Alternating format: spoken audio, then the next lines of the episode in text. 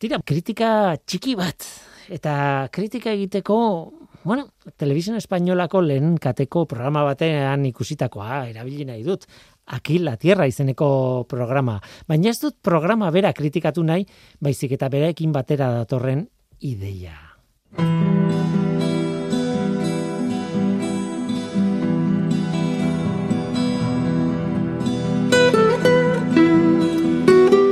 Noski, ez diot programari kritika ingo, nire respetu guztia beste komunikatzaileei, bairei barne, baina bain nahi gabe edo naita zein edakin, komunikatu zuten ideia mota bati buruz.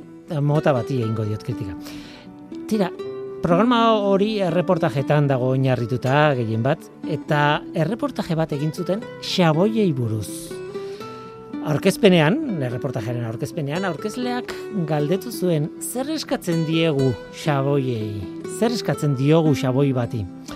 Tira, eta ezaugarriak aipatzen hasi zen nola ez, ba, usai gozoa izatean, nola ez, krematxua eta atsegina izatea, xaboia, gure azaleko, edo azalak duen pH-aren antzeko pH-a izatea, hori dena noski baietz. Baina gero esan zuen, produktu kimiko erasokorrak ez izatea. Hori eskatzen diogu xaboi bati. Eta hor dago koska.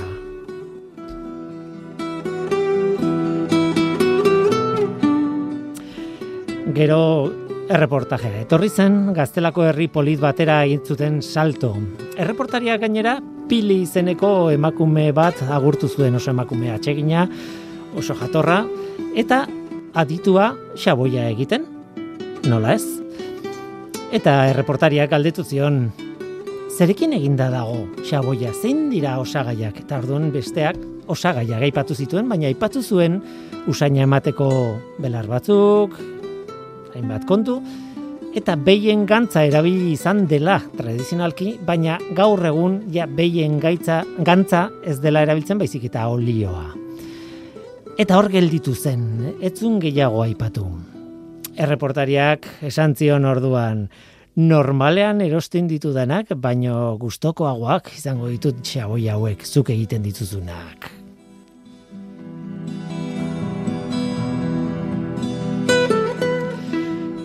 Eta erreportaian e, ikusi zen e, nola egiten zuen emakume horrek, xaboia, osagaiak nahasteari ekin zion, eta noski osagaien artean, Nola ez, usaina ematekoak, olioa eta bar, bar, eta soda kaustikoa sartu zuen.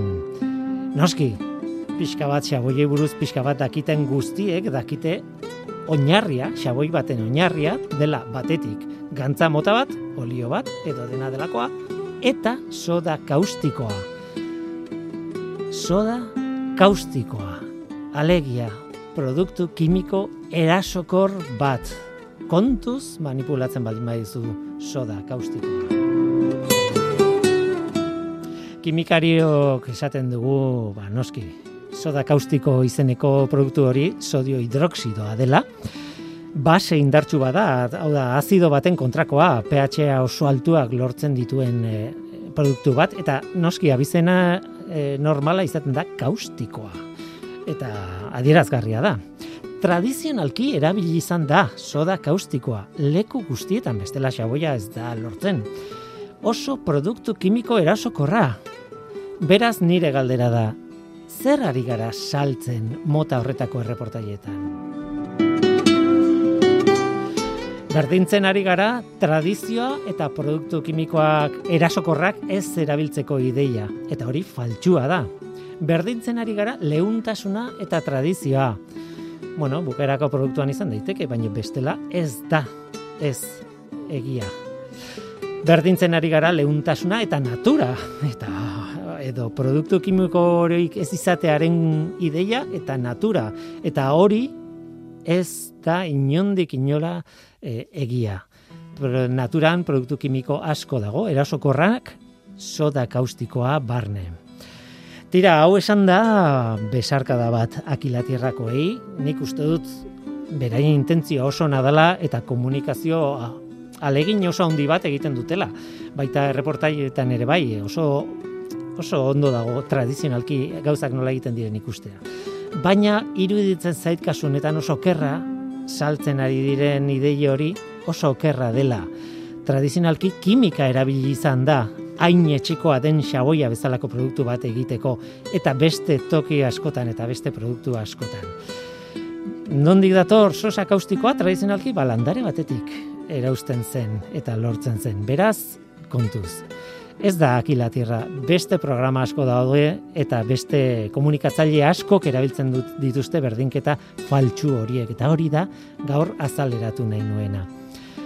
Besarka da bat aiei eta ea lortzen dugun gezurrik ez esatea.